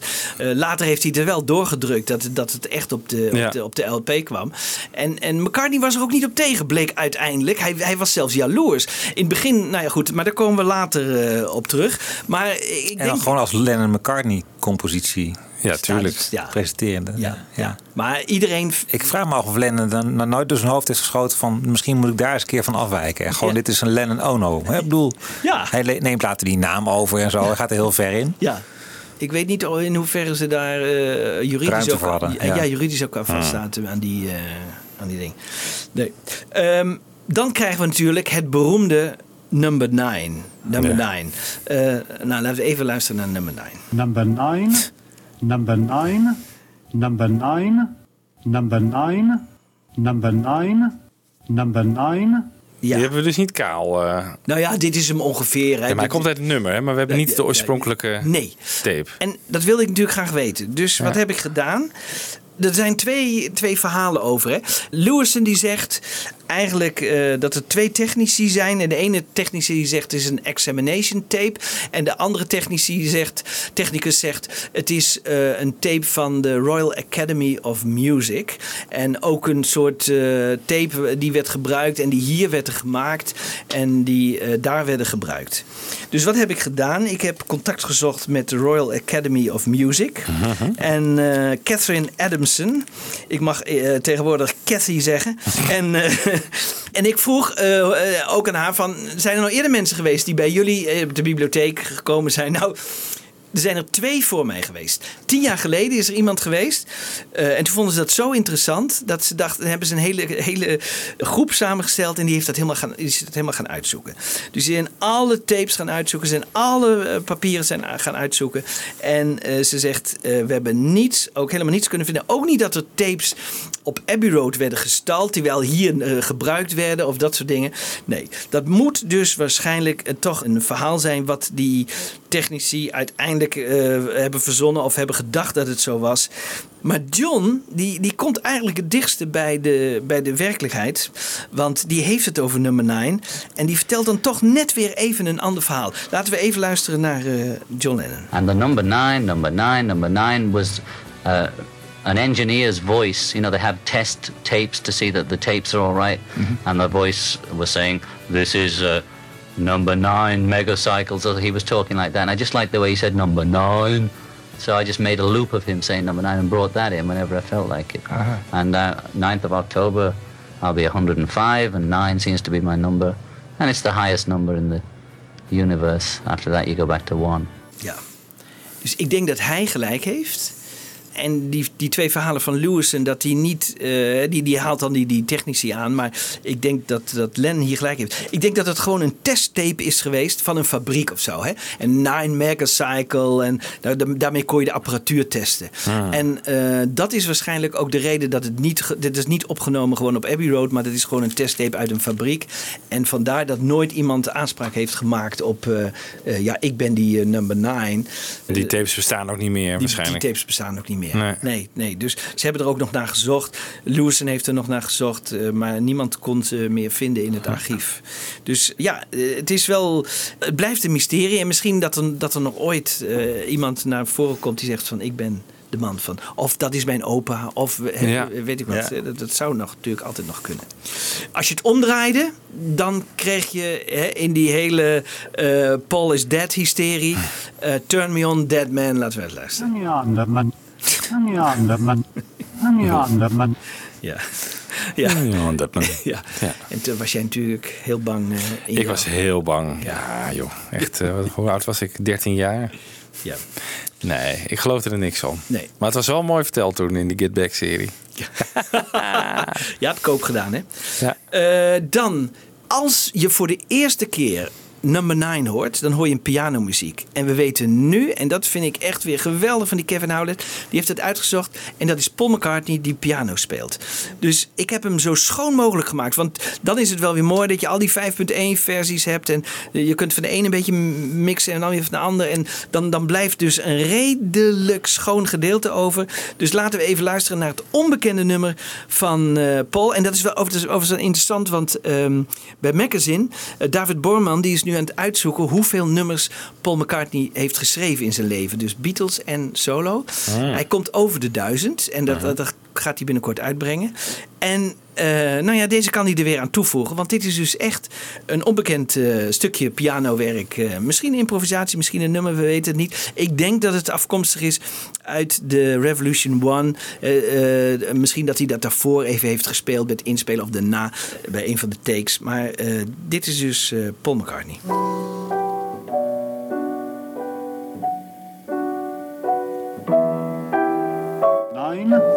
Number nine.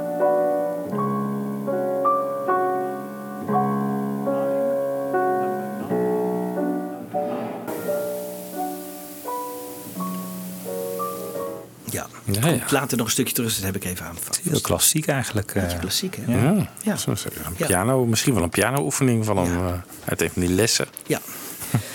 Nou ja, hij, mixte dus allerlei dingen hè? En, en maakte ook af en toe proefmixjes. En een van die proefmixen die hij heeft gemaakt is het volgende gedeelte.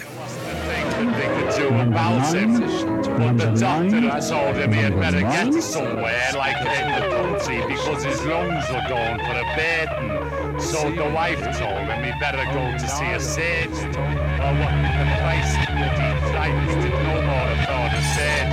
than he could a pair of yellow underclothes. So anyhow, he went to see the dentist instead and gave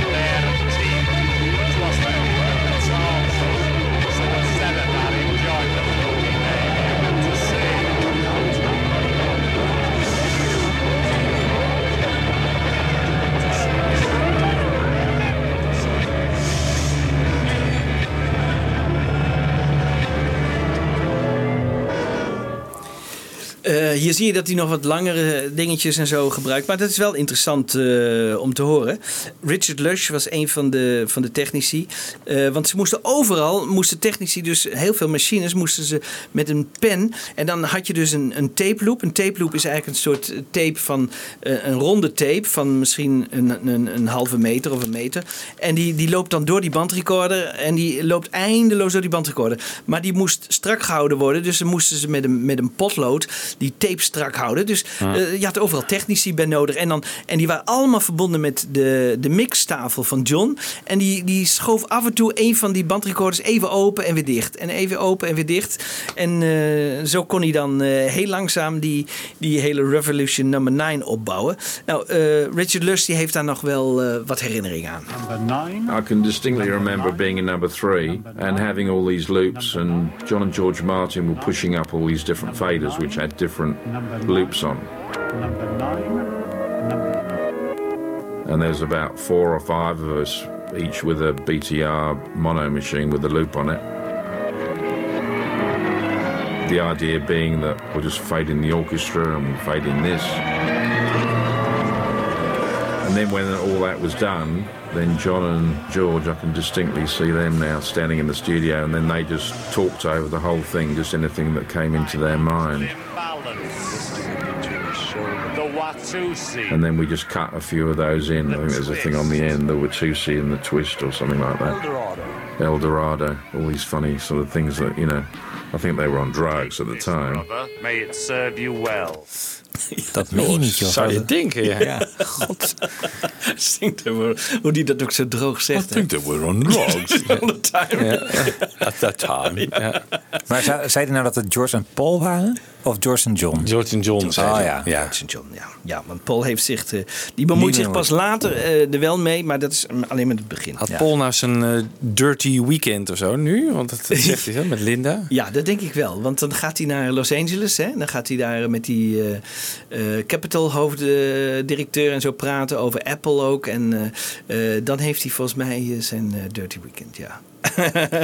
Want bij Happiness is a Warm Gun, dan is Linda volgens mij een, de avond daarvoor of die avond komt zij naar Londen. Ja, ja. En gaat dat is ze vlak nadat eh Francis Schwartz eruit gebonjourd is. Ja, ja. het is. eh, en je had ook nog die McGovern, hè? Die, eh, Maggie McGovern. Maggie McGovern, die speelt zich ook nog eh, in die tijd. Ja, hij had het druk. En dan nou, even nog een, een kort stukje mix, wat uitgeklede mix. Ook weer, ehm, laten we even de, de- wat het niet haalde uiteindelijk. Rain in Hertfordshire. Everyone of them knew that as time went by, they'd get a little bit older and a little bit slower. This is a here falsetto thing and a scarecrow manufactured work. Those old umpty type of umpty umpty joke like this in the, in the, uh, in districts that you were intended to pay for. Logos is the disrupting of the umpty thing.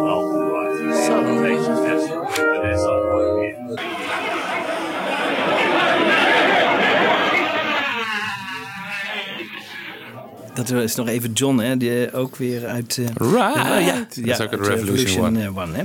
Nou, John die had het, ehm, en, en dat vond ik wel interessant. Eh, hij noemde als voorbeeld Beethoven. Eh, want er, er werd even eh, naar Revolution nummer 9 gevraagd. Laten we John even aan het woord. Revolution number nine was a was an unconscious picture of what what it's uh, what I actually think will happen when it happens. You know, that was just a, like a a drawing of, of revolution. You know, I was making all the thing was made with loops.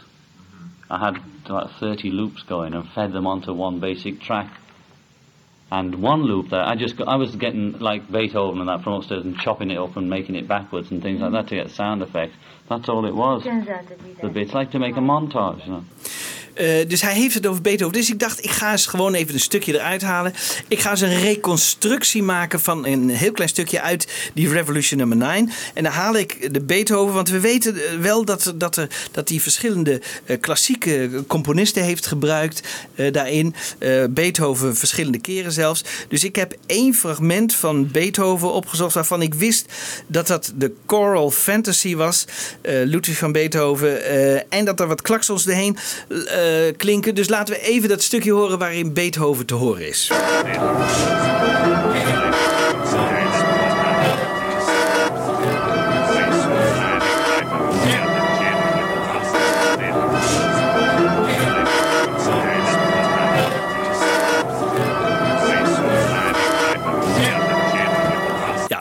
Dit is dus eh, Beethoven. Hè? Maar ik dacht, nou ja, maar, dan moet je dus nog terugvinden. Hè? Dus, eh, nou, er was een stukje, dat leek er wel iets op, maar was het ook niet helemaal. Maar goed, Choral Fantasy, eh, Beethoven, laat maar even luisteren.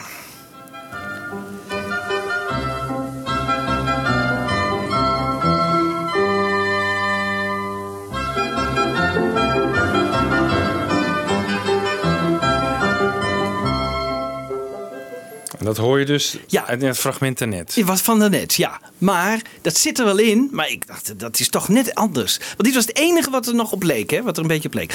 Toen ontdekte ik dat, eh, maar dat, dat was ook heel lang eh, zoeken, dat hij er een stukje uitgeknipt heeft. Dus ik heb datzelfde stukje er weer uitgeknipt. En dan krijg je dus eh, dit.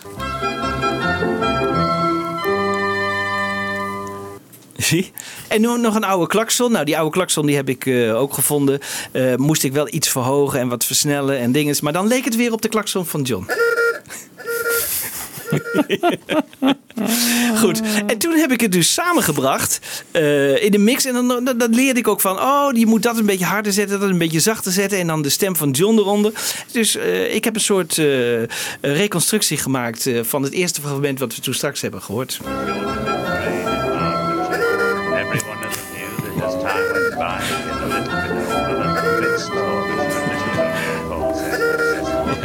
Bit Kun je nog één keer even het origineel horen, wat we net al een keer hebben gehoord? Dat je dus hebt gereconstrueerd.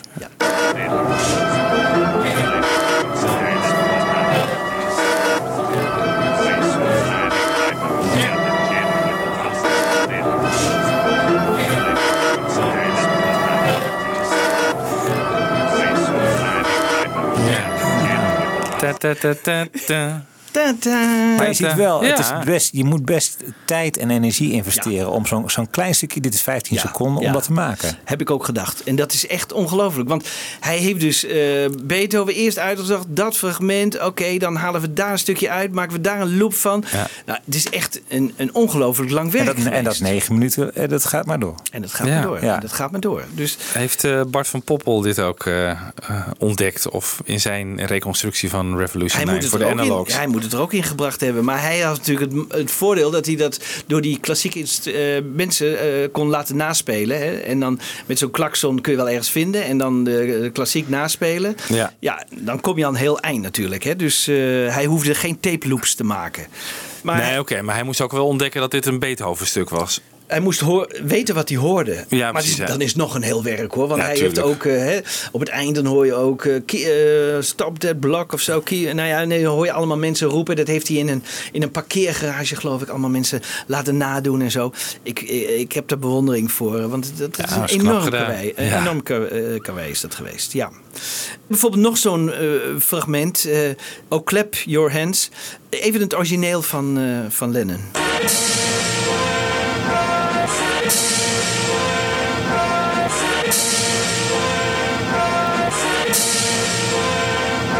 Ja, het King's Choir en het English Chamber Orchestra. En dat komt dus hieruit.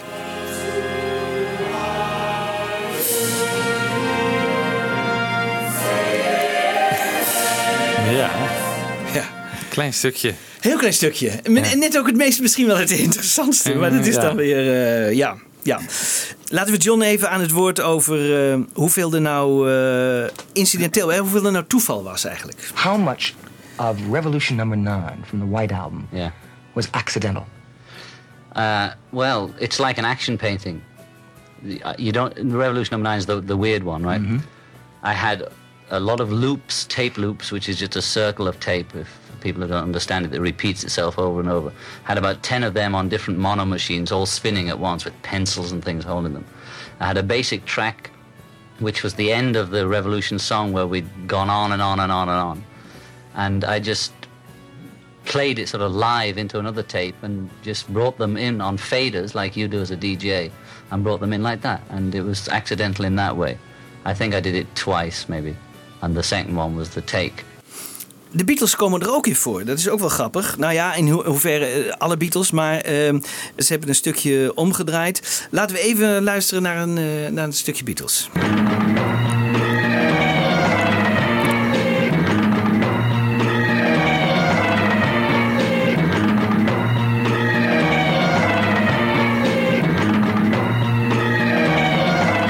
Dit ik bedoel, we weten niet misschien die, eh, dat gierende eroverheen, maar de, de, de basis is in ieder geval, eh, wordt gezegd eh, dat dat de Beatles zijn. En het volgende fragment is ook, eh, zijn ook de Beatles.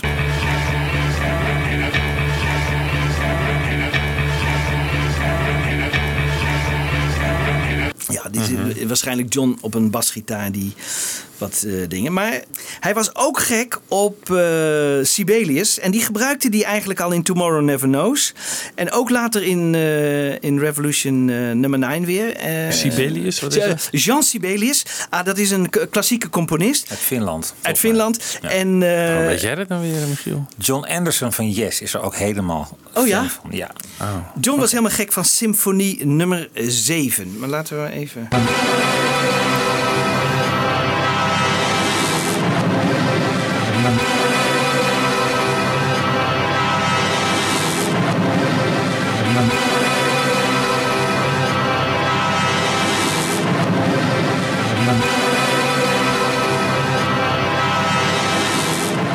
Dat is dus de- een stukje eruit, hè. En toen dacht ik, nou, dan moet het dit zijn. Maar het was er nog niet helemaal.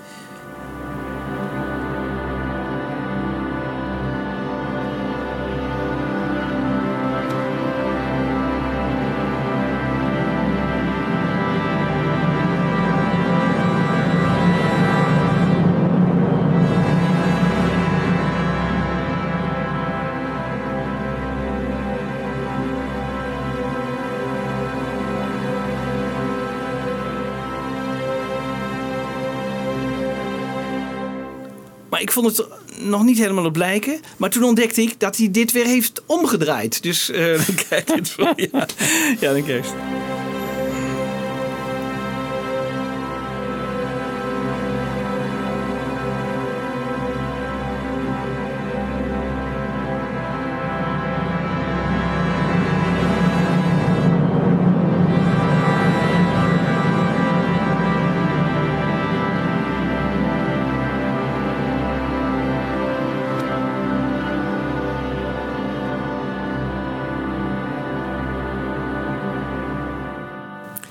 Hier is dus Jon Anderson ook eh, gek op. Ja, dit, dit- nou ja, dit- ik moet wel zeggen, het is wel het is, het is prachtige muziek natuurlijk. Hè? Zelfs als je het omdraait. Hmm. Dit is, eh, Dus zo heeft hij dat eh, hier... eh, Sibelius, Weer, nou. Sibelius, ja, weer wat geleerd hè? Ja. Eh, oh ja, er draaide ook een tape mee voor de Echo. Maar eh, zoals, net als bij eh Helter was ook hier die tape op een gegeven moment weer op. En die draaide zichzelf weer terug. En dat geluid vond hij ook weer interessant. Dus we horen af en toe een heel stuk horen we het, het volgende gewone tape terugdraaien, het geluid. Ja, dat is ook weer grappig.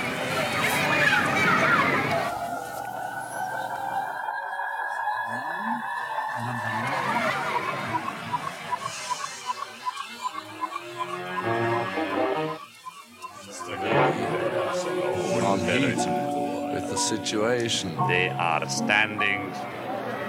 Ja, dus hier hoorden we de, de tape terugdraaien. Is ook weer van zo'n grappig dingetje wat je dan ontdekt. En dan Alan Brown, de technicus, die moest eh, tot diep in de nacht met John en Yoko eh, daar aan het mixen. En eh, ze wilden steeds meer van die machines erbij hebben. Dus die moest om half drie s'nachts met loodzware machines zitten te, te, rijden, te, te, opbeuren en, en ergens anders neerzetten. Nou, dat moest hij allemaal alleen doen. Hij werd er helemaal gek van. Laten we Alan Brown even woord. Unlike these days, you can't go out and just buy a black box that does something magic. You had to invent it. But there was so much equipment at Abbey Road lying around in the corridors, you can usually experiment and get some sort of interesting result. What it often meant was that at 2.30 in the morning, you'd be wheeling a very heavy, one third of a ton tape machine along the corridor on your own, wishing there was somebody to help you and then um, plugging it up to get some interesting effect. Dus midden in de nacht. Hè. We moeten toch eh, medelijden hebben met, met die technici. Die Beatles gingen wel door, maar zij moesten natuurlijk de volgende ochtend alweer klaarstaan. Eh wat eh, Lennon ook deed, was waarschijnlijk, maar dat weten we niet helemaal zeker, maar waarschijnlijk stiekem wat dialogen opnemen. Gewoon in de controlekamer en in de studio. En dit zou een nooit gebruikte dialoog zijn, die ook bedoeld was om gebruikt te worden in, in Revolution nummer 9. Nou, laten we maar even luisteren. Eh, George Martin.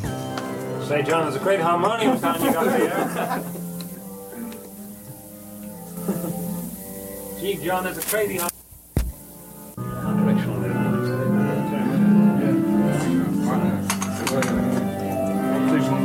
Why don't we use them in the studio? No, they did bring in one once. I've always sort of tried. It'd be, it'd be fantastic, probably for strings or something. Or maybe not strings, but drums, probably.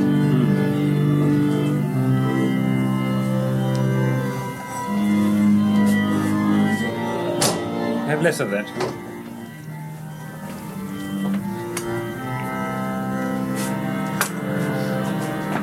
The strings are usually the hardest thing. Yeah, I think. To record it, yeah, I think there's more and more you can go, you know, sort experiment with the strings. It's a. There's an awful lot in the players there, isn't there? You, you, if you get a lot of a lot of really good players playing really well together and make a marvelous sound. Hmm. When you get a penny lot of people are not used to playing together, it's really difficult. Dit is dus nooit gebruikt in is nooit eh, gebruikt. Revolution 9. Waarschijnlijk bij, bij John Lennon thuis gevonden, hè, eh, later in de, bij de Lost Lennon tapes. Ja, en dan komt McCartney terug. En eh, Lennon laat hem ogenblikkelijk als eerste eh, de complete mix horen van Revolution nummer 9. En volgens Jeff Emmerich zegt eh, McCartney not bad. En dat betekent in zijn eigen woorden, ik vind het vreselijk. Maar er zijn ook andere berichten dat eh, eh, McCartney even tot zichzelf moest komen. Maar dat hij het uiteindelijk wel heel goed vond. En dat hij het heel bijzonder vond. Hij eh, heeft het niet tegengehouden. Nou, het kon ook niet, want waarschijnlijk waren er drie voor en één tegen. Maar hij wilde het waarschijnlijk ook niet tegenhouden. Maar hij heeft eraan meegewerkt. En toen heeft McCartney heeft eigenlijk gezegd... oké, laat mij dan dat begin doen van, van dit. Want ik, het is wel belangrijk hoe we overgaan van Cry Baby Cry naar Revolution nummer 9.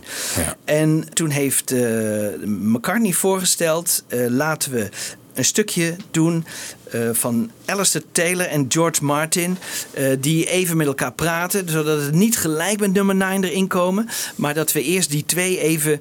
eh, die, die, eh, die hadden ze ook eh, eh, waarschijnlijk stiekem opgenomen. En dan gaat het over een discussie over de. eh, ik geloof Alistair Taylor die heeft dan geen wijn meegenomen. Geen claret voor George Martin. George Martin neemt hem dat geloof ik kwalijk. Afijn, dat is een, dit, ik denk dat het een echt stukje is. Want het, het klinkt niet geacteerd of zo. Dus ze hebben dat eh, opgenomen in de studio. En ehm, die, dat gebruiken ze dan. Dat is, dat is het volgende stukje wat eigenlijk voorafgaat aan Revolution nummer 9. Little claret for you if I'd realised. I've forgotten next all time. about it, George. I'm sorry. Will you forgive me? Yes. Ja. Nou, vergeeft het hem wel. Ja, hij vergeeft het hem wel. En McCartney zegt: laat dan. Ik heb nog een leuk stukje muziek. Can You Take Me Back uit de I Will sessies. En. ehm, als Dus deze beslissing komt eigenlijk pas helemaal op het eind al. Ja, want dan zegt McCartney, laten we dan hè, dus de overgang maken tussen eh, Cry Baby Cry en eh, Revolution nummer 9. En dan wordt dat wat makkelijker. En dan laten we even die een beetje met wat galm horen. En dan eh, George Martin. En dan begin jij met Revolution nummer 9. Dat vond Lennon goed. En ehm, ik wil eigenlijk eindigen deze aflevering eh, met eh, Can You Take Me Back. Eh, zoals hij te horen is op de box, maar dan met galm. Want we kennen hem natuurlijk alleen met galm. Hè. Wij kennen hem eigenlijk zoals we hem op de, op de LP, op de. CD en altijd horen, is het, is, zit er altijd galm op. Dat zit er op die nieuwe box niet. Dus ik heb, daarmee wil ik zo eindigen met ehm, de hele versie. Ehm, ik wil nog even tegen Michiel zeggen. Ja, er- er zijn dus stemmen, mensen die denken dat het in verschillende secties is opgebouwd. Dat zou dus dan zo zijn, elke keer als Revolution number 9 of eh, als eh, number 9 te horen is, dat er dan weer een nieuwe sectie begint.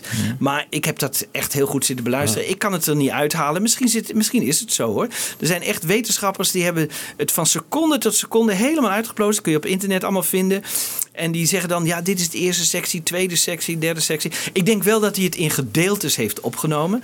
Want je kunt dat natuurlijk onmogelijk allemaal eh, snel doen. Dus dan moesten, iedere keer moesten er weer andere loops op al die eh, bandrecorders. Ja. En dan moesten ze weer opnieuw gaan beginnen. En, en dan konden ze natuurlijk mooi in elkaar over laten gaan. Maar eh, dat kostte wel enorm veel tijd. Maar ik heb niet het idee dat hij nou echt het idee had van... dit wordt eh, zo'n sectie en daar gaan we meer die kant op. Dat het wel bewust zou zijn. Nee, dat het wel bedoeld- bewust zou Nee. zijn. Maar eh, ja, misschien komt dat ooit nog wel eens eh, naar boven. Het is jammer.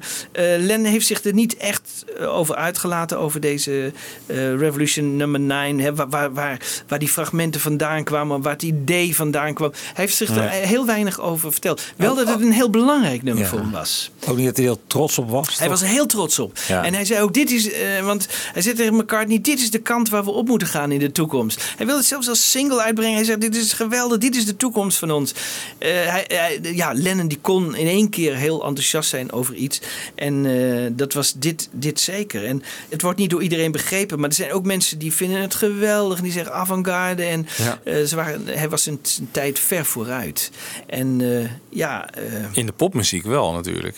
ja. Want dit werd al wel gedaan door mensen als Stockhausen, toch? En John Cage en zo. Ja, en Zappa en... Er waren natuurlijk al wel mensen die dat deden. Maar omdat zij dat als, als groep deden die Ja. zo populair waren... Ja. Hè, kreeg je in één keer eh 10 miljoen mensen in Amerika... die eh, een avant-garde nummer Ja. in huis hadden. Ja. En die, die er toch altijd wel even iets naar luisterden. Al zetten ze het snel weg. Maar eh, je, je Ja. kon niet voorkomen natuurlijk dat ze er, dat ze er iets van hoorden. En, en dat, het is, ik vind het wel heel knap gemaakt. Dat, is, dat vind ik het wel. Het is natuurlijk, ja, je luistert er niet zo snel naar. Maar als je hoort wat er allemaal in zit.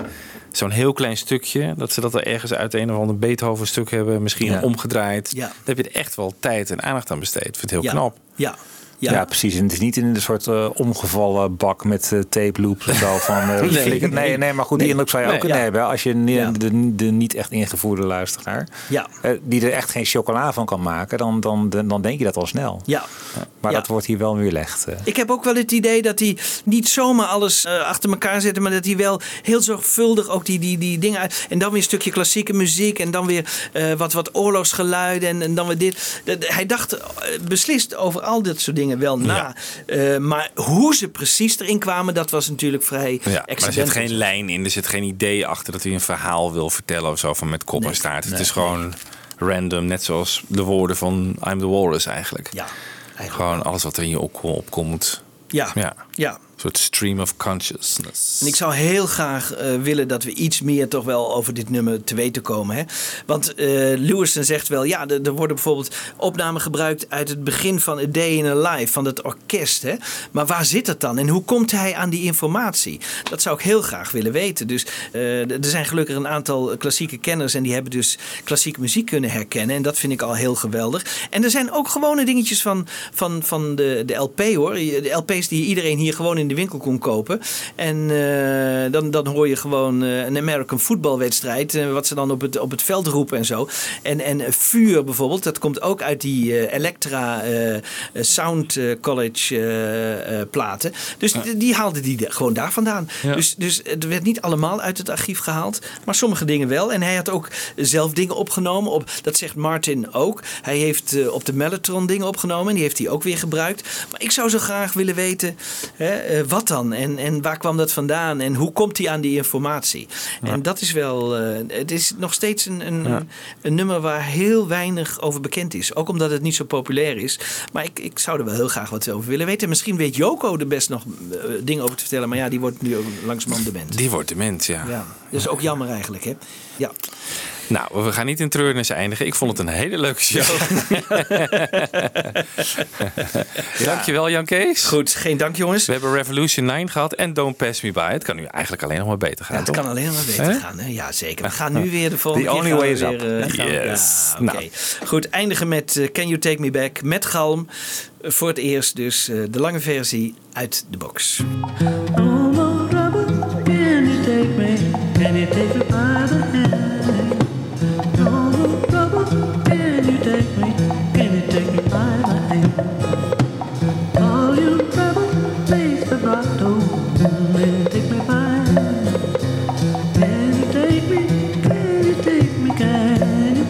take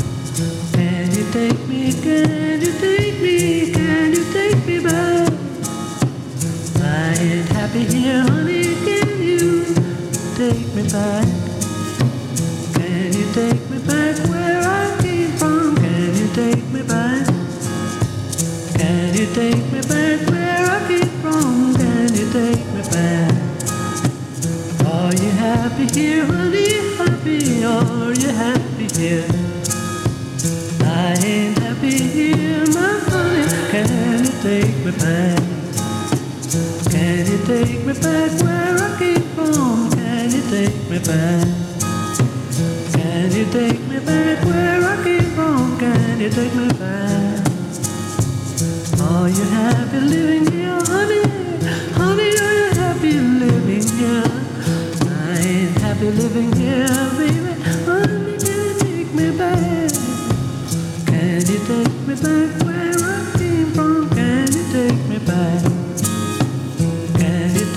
back where I